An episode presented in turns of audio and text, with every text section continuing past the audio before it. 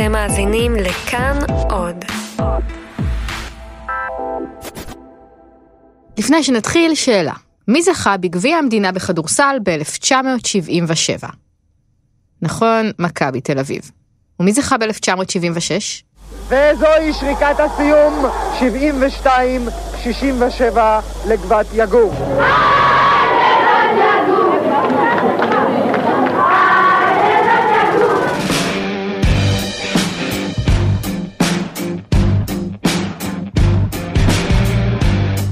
היי, אתם על חיות כיס, אני דנה פרנק. ואני צליל אברהם, ודנה השבוע חזרת 42 שנה אחורה בזמן, אל קו השבר של הכדורסל הישראלי, והרגע שהפך אותו למשהו היום.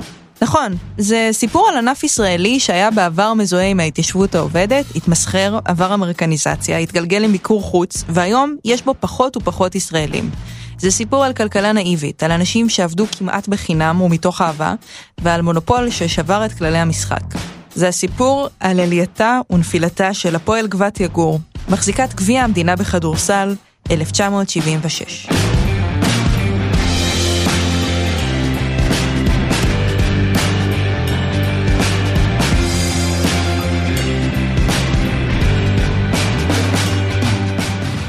ב-18 במרץ 1976, הסנטר של הפועל גבת יגור, בועז ינאי, נסע 110 קילומטרים בכבישים משובשים, באוטובוס מלא בגברים גבוהים. כל הדרך מעמק יזרעאל ליד אליהו בתל אביב. הייתה כמובן התרגשות גדולה לנסוע לתל אביב, ליד אליהו, לבוא לשחק מה שנקרא בהיכל הכדורסל של ישראל. בוזי ינאי היום בן 65. הוא אחד משחקני הכדורסל האגדיים בישראל, ומדורג רביעי ברשימת קלעי כל הזמנים. בין 1956 ל-1976 רשימת מחזיקות גביע המדינה בכדורסל הייתה די הומוגנית. מכבי תל אביב, מכבי תל אביב, הפועל תל אביב, מכבי תל אביב, מכבי תל אביב, מכבי תל אביב, מכבי תל אביב, הפועל תל אביב. אבל יחד עם הפועל תל אביב ומכבי תל אביב היו באותן שנים בליגת העל שנקראה הליגה הלאומית עוד קבוצות כמו הפועל רמת גן, הפועל ירושלים ומכבי חיפה. אבל גם הפועל גבעת ברנר והפועל גן שמואל. והפועל מגידו, הפועל ניר דוד, הפועל משמר העמק, הפועל אשדות יעקב והפועל גבת יגור. להפועל גבת יגור היו כמה שנים טובות, אבל ב-1976 קרה שם משהו. הם ניצחו וניצחו וניצחו. ברבע גמר הגביע קרה דבר יוצא דופן. בגדול זאת הייתה שנה מופלאה מהבחינה הזאת שהקבוצה הצלחנו לגבור על מכבי תל אביב ברבע הגמר הקבוצה הצליחה לנצח את מכבי תל אביב, לאחר מכן היה חצי הגמר והגמר נגד הפועל תל אביב ביד אליהו. אף אחד לא ציפה מהם לקחת את הגביע, גם לא הם עצמם. וזה היה מסוג אה, של אותם משחקים, שאני מדבר מהצד של הפועל תל אביב, כי שמעתי את זה אחרי זה, שהיה ברור להם שבאים, משחקים, מנצחים והולכים הביתה. Mm-hmm. ואנחנו באנו ואנחנו הראינו שזה לא ככה. גבת יגור ניצחה את הפועל תל אביב ביד אליהו 90-76. שר החינוך עלה לנאום ואמר שזה הניצחון של הצברים. כי להפועל היו חמישה שחקנים שנקראו מתאזרחים, יהודים אמריקאים, השחקנים של הפועל נעלבו, והקיבוצניקים חזרו צפונה עם הגביע. חזרנו לחדר האוכל ביגור, לדעתי ב-12 בלילה, ביחד עם הגביע, קיבוצניקים במספרים בלתי רגילים לאותה שעה ולאותה שנה, כולם חיכו. באנו כאמור יחד עם הגביע, חגיגה גדולה, שירים, ארוחת ערב וארוחת לילה מאוחרת, היה כיף. זה היה הרגע הגדול של גבת יגור וגאווה עצומה לעמק יזרעאל ולתנועה הקיבוצית. דוד מול גוליית, התגלמות הרוח הספורטיבית, ההוכחה שהכל אפשרי. גביע המדינה הוצב בחדר האוכל של יגור, והקיבוצניקים שגדלו במשק היו מלכים. בערך. למחרת קמת לרפת? בוודאי. כל אחד קם לעיסוקים הרגילים שלו. אה, אני הלכתי לעשות בשתיים לפנות בוקר משלוח עופות. משלוח עופות, שזה דבר שהוא כל כך פנטסטי, שאי אפשר לעכל את זה היום.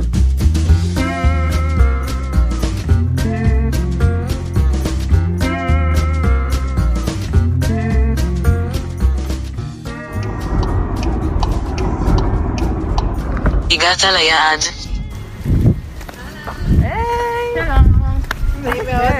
שלום. את? דנה. דנה. ואת? צליל, נעים מאוד, יופי, אחלה שבאתם. איזה כיף.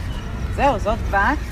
42 שנה אחרי, ביום שני, בשעה 12 בצהריים, השמש של עמק יזרעאל זורחת על קיבוץ גבת והדשא שלו ירוק מאוד. הקיבוץ הופרט בתחילת שנות האלפיים, היום גרים בו 900 איש ויש בו רפת, שדות של חיטה ותירס, מטעי זיתים ומפעל טפטפות. מורן, שנולדה בגבת והיום היא מנהלת הלשכה של מנהל הקהילה, זה מזכיר קיבוץ בשפה של הפרטה. לוקחת אותנו למשרדים של המפעל. בסדר, אני אחזור אליך, אני באמצע משהו. זה אלון שמר. אני אלון, אלון שמר, חבר קיבוץ גבת, בן 56, שחקן הפועל גבת, עמק יזרעאל לדורותיה. אלון שיחק כדורסל עד 1993, והוא נראה כמו שחקן כדורסל עד היום. צביקה שר וארי מליניאק אה, רדפו אחריו כל הזמן, שיבוא, אתם מכירים את השמות בטח, סימי ריגר. הוא הגיע לפה לבית של ההורים שלו, הוא בא לקחת את אלון להפועל תל אביב. אני הגעתי לבית, איך צעקתי שם על סימי ריגר? אז זה היה משהו... זה היה לא יאומן. אתה לא תיקח, אין, הוא לא יעזוב פה, לא יעזור לך כלום והכל והכל, בסוף הוא לא הלך. זה יוחנן רובין שהיה ה manager של הפועל גבת. יוחנן רובין מגבת, אה, כל מי שישמע את התוכנית על הכדורסל שלכם, זוכר אותי, מכיר אותי. אחרי שהם מעלים קצת זיכרונות, מורן ויוחנן לוקחים אותנו למגרש. מגרש הכדורסל של גבת. אנחנו יוצאים מהמפעל, הולכים קצת על הדשא, ואז עומדים בין כמה בניינים נמוכים, ומורן אומרת, כאן. וכאן, אין דרך נעימה להגיד את זה, יש מגרש חנייה. מגרש חנייה קטן, אפילו.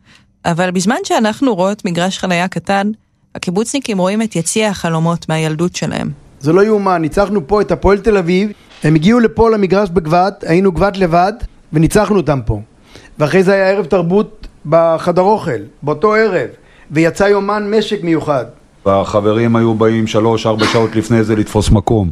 שמים שמיכות או כריות, תופסים מקום, וכל האנשים שבאו היו יושבים על הגגות מסביב. אני זוכר את זה בתור ילד, בתור... אה, זה היה דבר מדהים. למגרש הקטן הזה היו מגיעות הקבוצות הכי גדולות בארץ למשחקים שגבת אירחה בבית. כל ותיקי הקיבוץ, כל מי שדיברנו איתו זוכר איך השחקנים הגדולים של מכבי והפועל תל אביב הסתובבו על השבילים בקיבוץ.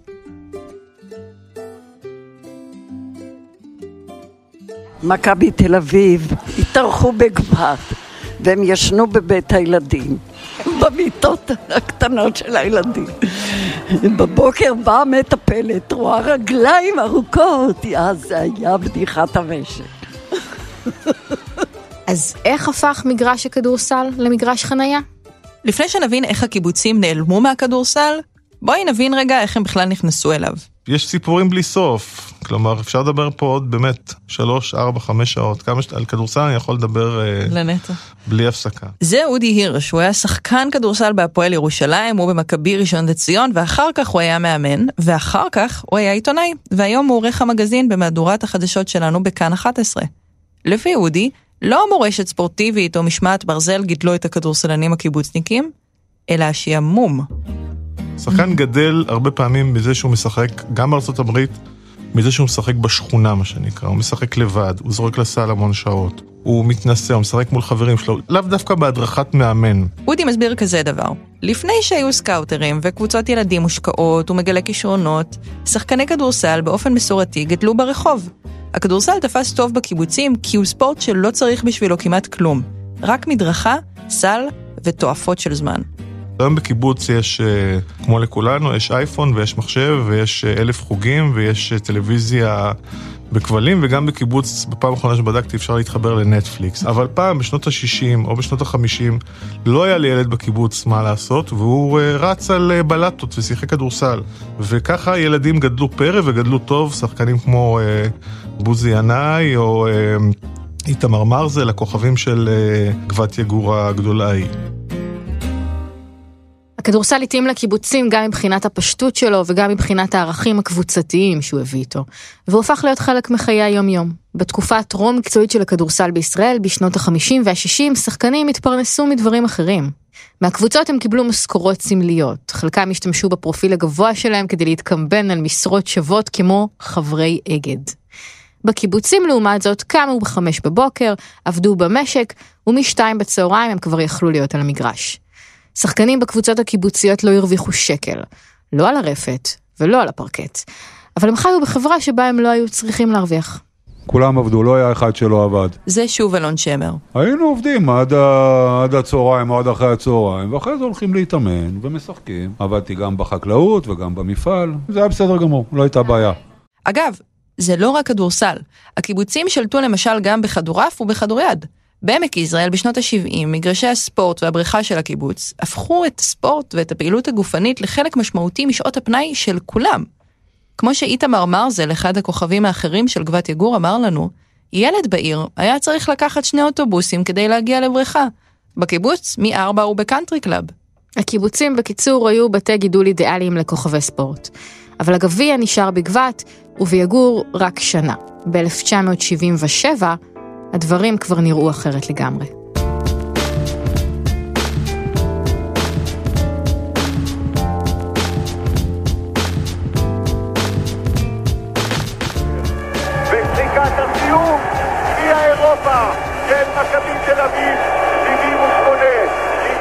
78-77.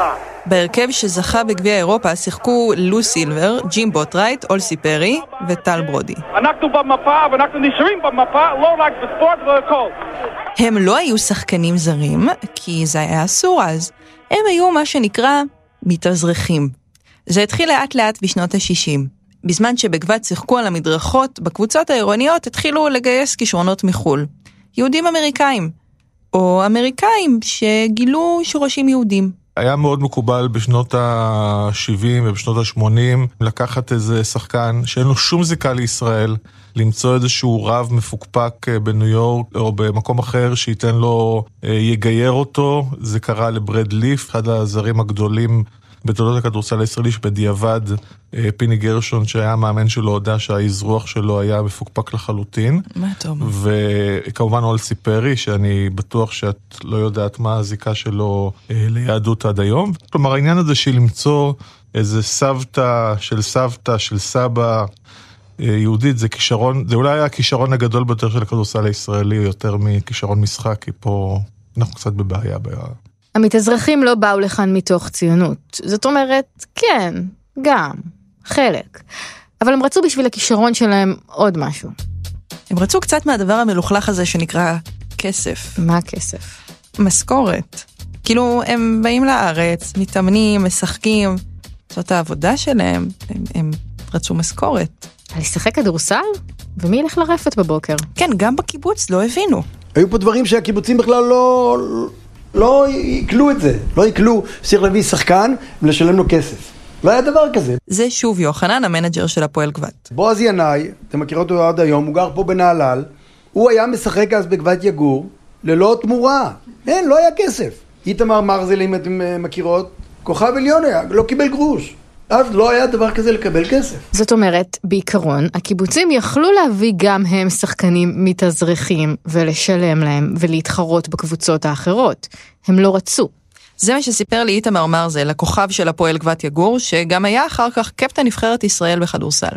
כי אל תשכחי שבתנועה הקיבוצית אז אי אפשר היה לקבל את זה שבקיבוץ כולם קמים בבוקר בשעה שש, בחמש או בשש בבוקר, כולם אה, הולכים לעבודה, ויש איזה חמוד אחד שהוא יקום בסביבות 12 ויופיע בחדר אוכל עם עיניים שבקושי שטף את העיניים, הוא קם כרגע מהשינה, והוא אה, אה, שחקן כדורסל. זה היה בלתי אפשרי. וככה הם התמודדו מול הכדורסלנים המקצועיים מחו"ל ולקחו גביע. אבל זה לא החזיק הרבה זמן. גבת הייתה מחזיקת הגביע האחרונה שכל השחקנים שלה היו ישראלים. ב-1978, שנה אחרי שמכבי תל אביב זכתה בגביע אירופה, קרה משהו שמכתיב איך נראה הכדורסל בישראל עד היום. מכבי תל אביב טענה שכדי להמשיך לעמוד ברף שהציבו הקבוצות באירופה, היא לא יכולה להתבסס על הגניוס היהודי ועל קיבוץ גלויות. לראשונה הממשלה אפשרה לקבוצות הכדורסל בישראל להחתים זרים. זה לא שמכבי תל אביב והפועל תל אביב יש להם שחקן אחד. נהיה אחד זה נהיה שניים, וזה נהיה שלושה, ולא היה בסיס משותף לעלות על המגרש. כי הם התחזקו בצורה כפי שהם התחזקו, ואנחנו לא. אז אנחנו השחקנים, זאת אומרת, אני אמרתי, זאת אומרת, אתה לא יכול לעלות, לשחק, זה יכול להיות פעם, פעמיים, זה יכול להיות אנקדוטה, אבל אתה לא יכול לשחק כל הזמן נגד קבוצות שהשתדרגו בצורה כזאת, אה, ואתה נשאר כל הזמן במקום, וההישארות במקום, זאת אומרת, אתה בעצם נסוג. עכשיו, יש לי חידה. כן. לפי תחקיר של טל וולק מגלובס, היום, ב-2018, שחקן ישראלי מרוויח בממוצע 364 אלף שקלים בעונה. ושחקן זר 710 אלף שקלים לעונה. ובשנות ה-80 הרוויח שחקן זר 250 אלף שקלים לעונה. כמה הרוויח קפטן נבחרת ישראל איתמר מרזל בשנות ה-80? Mm, היום לפי מה שאמרת זה חצי, אז בערך 125 אלף שקלים? לא. אז כמה? כלום. כלום? כלום. אני דוגמה לדבר שהוא בלתי אפשרי בכלל. אני שיחקתי בעפולה, העמק, שיחקו שם קארל נברסון וצ'ט נלסון. צ'ט נלסון קיבל רבע מיליון שקל, 250 אלף שקל. נברסון אני לא יודע כמה קיבל, ואני לא קיבלתי שקל. עכשיו אני שואל אותך, בחורה צעירה, it makes sense, זאת אומרת זה יכול להיות כזה דבר? שהדרישה היא של 100% מכל החמישייה, וזה לא עובד ככה.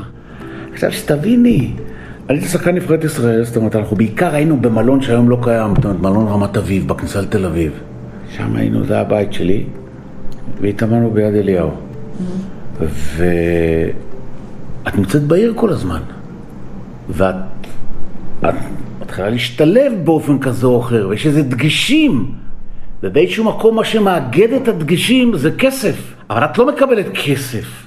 בעצם מה שאיתמר אמר לי, זה שמבחינת הקיבוץ לא היה הגיוני שחבר יוצא לעבודה שלו בתור קפטן נבחרת ישראל, הוא מקבל כסף, בדיוק כמו שאם אתה גוזם בנוי, אתה לא תלך בערב לעבוד בגיזום בנהלל ותקבל כסף, גם לא אם תכניס את המשכורת שלך לקופת הקיבוץ. זאת פשוט לא הייתה אופציה. וככה, מול קבוצות גדולות עם שחקנים זרים שקיבלו משכורת, הקבוצות של הקיבוצים נשארו חובבניות. בעצם, כשהכסף נכנס לכדורסל, הקיבוצים יצאו. התחנה האחרונה בסיור שלנו בגבת הייתה הבית של יפתח שבח. יפתח חי בגבת ובשנת 2001 יצר את הסרט הגביע נדד צפונה, על גיבורי הילדות שלו מהמגרש עם השמיכות על הדשא. אני חושב שהגיבורים הטראגיים של הסיפור זה השחקנים של הקבוצה שבעצם היו אה, מגה סטארים בתקופה שלהם, אבל הם לא, לא יצא להם ליהנות מעידן הכסף. כי הם בעצם היו כוכבים רגע לפני שהכסף הגדול נכנס. אבל התהליך הזה היה תהליך שעבר על כל המדינה, וגם על התנועה הקיבוצית. גבעת יגור סימלה בעצם את אה, שנות הזוהר של החברה הקיבוצית בספורט. ובעצם עם הירידה שלה מהבמה, הצד הזה הלך והתפייד, נעלם.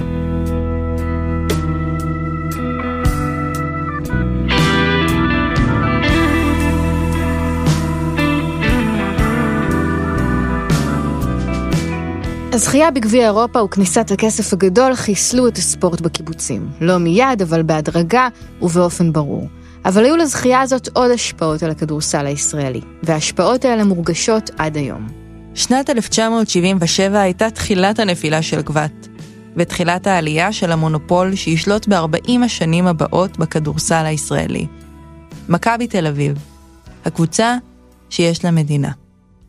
הזכייה בגביע אירופה נתנה למכבי משהו נוסף מלבד גביע להצטלם איתו. משהו שלא היה לאף קבוצה ישראלית מלבדה. זכויות שידור על משחקי הגביע האירופי. בגביע האירופי לאלופות, שמאוחר יותר שינה את שמו ליורוליג, זה עובד ככה.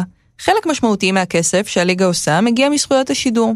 כל קבוצה מקבלת את הזכות למכור את השידורים במדינתה. בתמורה, הקבוצה מעבירה לליגה כמה עשרות אחוזים מסכום המכירה. אגב, זאת הסיבה שיש 12 קבוצות שחתומות על הסכמים שישחקו ביורוליג שנים קדימה, בלי קשר למעמדן.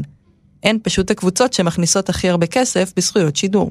בשנת 2005 העמותה לחופש המידע הגישה בקשה לחשוף את הסכום שמשלם הערוץ הראשון עבור שידור המשחקים. היא גילתה שבשש השנים שקדמו לבקשה, משנת 99, שילם הערוץ הראשון 26 מיליון דולר.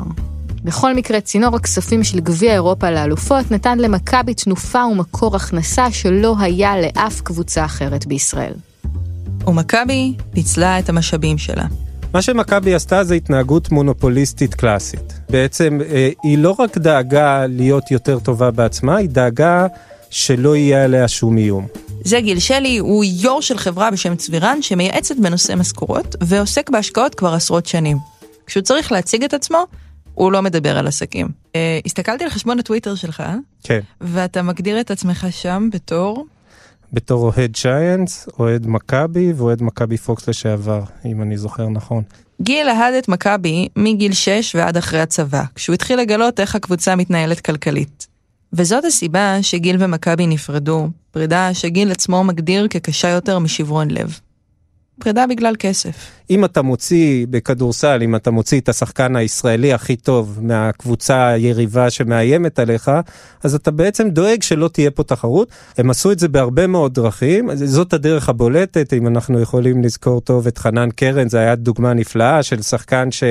איים עליהם לכאורה, mm-hmm. ומכבי לקחו אותו והושיבו אותו על הספסל, לא כדי שהוא יחליף את מיקי ברקוביץ', כי אותה תקופה שיחקו שישה שבעה שחקנים, החמישייה שיחקה כמעט 40 דקות, שחקנים היו יוצאים רק אם היו מקבלים חמש עבירות. אז חנן קרן פשוט לא זכה לשחק במכבי, ומכבי לא לקחו אותו כדי שהוא יהיה, באמת יהיה מחליף לעמדה של מיקי ברקוביץ', אלא לקחו אותו כדי שהוא לא ישחק אז בהפועל רמת גן. חנן קרן, גם הוא קיבוצניק, חתם בקבוצה ב-77. אחריו היו עוד הרבה שחקנים טובים. כולם רצו לקחת חלק בקבוצה של ישראל. רבים מהם לא זכו לקום מהספסל. וככל שהספסל הלך והתחמם משחקנים ישראלים מוכשרים שישבו עליו, המדינה הסירה עוד ועוד מגבלות על העסקת שחקנים זרים. די מהר עברנו משחקן אחד לשניים ולשלושה. ב-1998 קרה עוד משהו משמעותי. המדינה החליטה לתת לשחקנים זרים פטור ממס. שחקן כדורסל זר בישראל משלם רק 25% מס הכנסה, חצי ממה שמשלם שחקן ישראלי, ויש לו פטור כמעט מלא מביטוח לאומי. הנה שוב וודי הירש. הסכומים שאתה סוגר עם שחקן הם נטו, כלומר צריך להבין שבכדורסל הישראלי, אה, כשאתה סוגר עם שחקן, אתה סוגר איתו על כמה נכנס לו לכיס בסופו של דבר. זאת אומרת שנגיד שיש שחקן ישראלי ושחקן אמריקאי, ואם שניהם סגרתי את אותו שכר נטו, העלויות שלי כמעסיק גדולות יותר אם זה שחקן ישראלי? כן, אה, אם לוקחים בחשבון את עלויות השכר ואת כל המסביב, הישראלי יהיה יקר פי שניים. אז גם אם יש ישראלי שהוא ברמה בינלאומית, עדיין משתלם יותר להביא מישהו מאמריקה?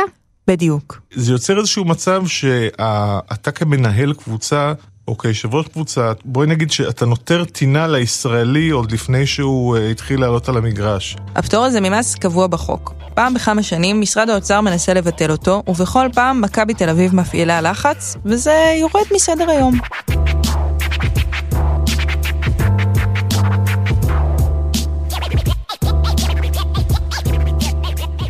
כשהגעתי לדירה של איתמר מרזל, השעה הייתה 10 בבוקר והטלוויזיה הייתה דלוקה על ערוץ הספורט. באולפן היה גרבג' 2 של המונדיאל. הפרשנים ערבבו חפיסת קלפים, שלפו שני שמות של קבוצות ואמרו מה הסיכוי שהן תיפגשנה בגמר. שאלתי את איתמר מה היה כל כך מיוחד במשחק שלו בקבוצת הפועל גבת יגור, לעומת הקבוצות בהן שיחק אחר כך. יש הבדל אחד חד משמעי בין יגור וגבת יגור לבין כל השאר. יגור זה הבית. אני הייתי נציג של הבית. אני קיבלתי, אפשר לראות את זה בצורה כזאת או אחרת, אני קיבלתי, או ככה אני ראיתי זה, איזשהו מנדט, לייצג את, ה, את הציבור הזה, להיות שליח של הציבור הזה, זאת אומרת, ככה אני תפסתי את זה. זה נשמע מילים קצת לא, הייתי אומר אפילו לא לעניין, אבל אני יכולתי לשמח ציבור שלם. ובסלנג, זאת אומרת, זה עשה לי את זה. שיגור ואוגבת יגור ניצחו, זה היה ניצחון. של, ה, של המכורה שלי, של ההוויה שלי, של מי שאני והאנשים ש, ש, ש, שאני נמצא איתם ביחד. אני גומר משחק אה, ביגור, אני ממשיך לראות את האנשים האלה למחרת, עם חלקם אני עובד, זאת אומרת, יש קטע של בילוי, זאת אומרת, אתה פוגש אותם על המדרכות, אתה חי בתוך ציבור מסוים. כששיחקתי בהפועל תל אביב, זאת אומרת, אה, נגמר האימון ואני חזרתי לבית הפרטי שלי, זאת אומרת, ובזה התחיל ונגמר העניין. וזה אולי הדבר הכי עצוב בכל הסיפור הזה, בכל הטבות המס ורישיונות התעסוקה לזרים וכל הג'אז הזה. הקשר הישיר של הספורטאי לקבוצה שלו. במצב הנוכחי שבו שישה ושבעה זרים משחקים בהרכב, ילדים ישראלים כבר לא ממש גדלים לתוך התחושה שהחלום של פרקט והטבעות בהישג ידם. כמה מהמרואיינים לפרק אמרו לי שלא ירשו לילדים שלהם לשחק כדורסל, כי גם אם הם במקרה עילוי, זה לא מספיק כדי להתחרות באמריקאים שיעלו חצי מהמחיר שלהם ויקבלו את כל הדקות מגרש. אם כי לא בטוח שזאת הבעיה. אודי הירש חושב שהסיבה לכך שאין עילויים כאלה בכדורסל הישראלי היום אחרת לגמרי. הטענה הבסיסית שאומרת היום, ופה אנחנו יכולים לחזור לסיפור של גבת יגור, שהשחקנים לא גדלים כי אין להם אה, דקות משחק, כלומר הם לא מצליחים לעלות על המגרש כי הם מתחרים זרים. אבל אני חושב שהסיפור של גבת יגור יכול לתת לנו איזשהו רמז שהקיבוצים מראים איך באמת צריך שחקן לגדול. והדבר הזה, האלמנט הזה הלך, עבד, האלמנט של לשחק בשכונה, הוא עבד בכל העולם, רק שבכל העולם עובדים בצורה מאוד רצינית. ובישראל עובדים בצורה פחות רצינית. אנחנו מדינה שהייתה, אתה, כולם התבדחו על נושא החיים עצמם של נתניהו, אבל כן. החיים עצמם זה מה ששולט פה, גם מבחינת תקציבים, תקציב הביטחון פה הוא מטורף. אה, תקציב הספורט בישראל הוא מגוחך, הוא ה-0.4 או 0.3 אחוז מה, אה, אה, מכלל התקציב. במקומות אחרים זה 3-4 אחוז מהתקציב. בישראל ההשקעה בספורט היא מגוחכת, וכשלא משקיעים אז גם לא מגיע. פעם זה, היה לנו איזשהו פוקס נקרא לזה, ששחקנים גדלו פה פרא, כי שיחקו בשכונה, שיחקו על הבלטות. היום הנס הזה כבר לא קורה, כי השחקנים שגדלו פעם הם בבית אה, אה, מול המחשב או אה, מול הטלוויזיה. וצריך mm. להוציא אותם, וצריך לעשות איתם משהו הרבה יותר אקטיבי. להביא להם מאמנים הרבה יותר טובים, וזה לא קורה, זאת אומרת, אני לא בטוח שזה קשור דווקא לנושא של האמריקניזציה. האמריקניזציה זה התוצאה הסופית, שרואים שאין פה שחקנים גדולים, אז אה, צריכים שיגיעו אמריקאים. ב-2007 חוקק החוק הרוסי, לפיו בכל רגע נתון חייבים להיות שני שחקנים ישראלים על המגרש. בימים אלה מנסה מכבי תל אביב לבטל את החוק הזה. איגוד השחקנים הישראלי יזם השנה שביתה ועצר את המשחק בליגות השונות במחאה על אובדן הכוח. השביתה, שהתרחשה ממש בחודש שעבר, הצליחה להשאיר את החוק הרוסי לעונה נוספת. הפועל גבת יגור התפרקה ב-1979 לשתי קבוצות, גבת ויגור. בשנות ה-80 משבר מניות הבנקים היכה חזק בתנועה הקיבוצית, והקיבוצים מצאו את עצמם עם חובות של מיליארדים. כדורסל הפך להיות מותרות. הפועל גבת, בלי יגור, המשיכה לשחק בתחתית ליגת העל, עד שבשנת 1996 ירדה ליגה והתפרקה סופית.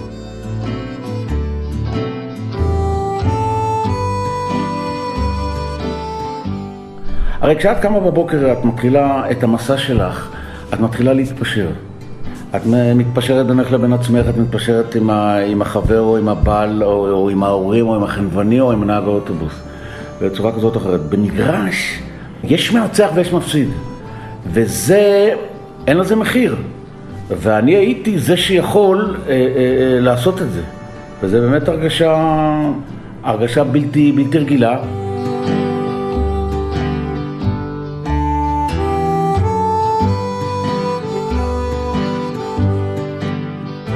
אנחנו היינו חיות כיס. העורך שלנו הוא רום אטיק, עורך הסאונד הוא אסף רפפורט. אפשר להאזין לכל הפרקים שלנו באתר כאן ובאפליקציית כאן אודי ובכל אפליקציית פודקאסטים. אם אתם רוצים לדבר איתנו על כדורסל או על קיבוצים, הצטרפו לקבוצה שלנו חיות כיס בפייסבוק. תודה לבן לב על הרעיון לפרק.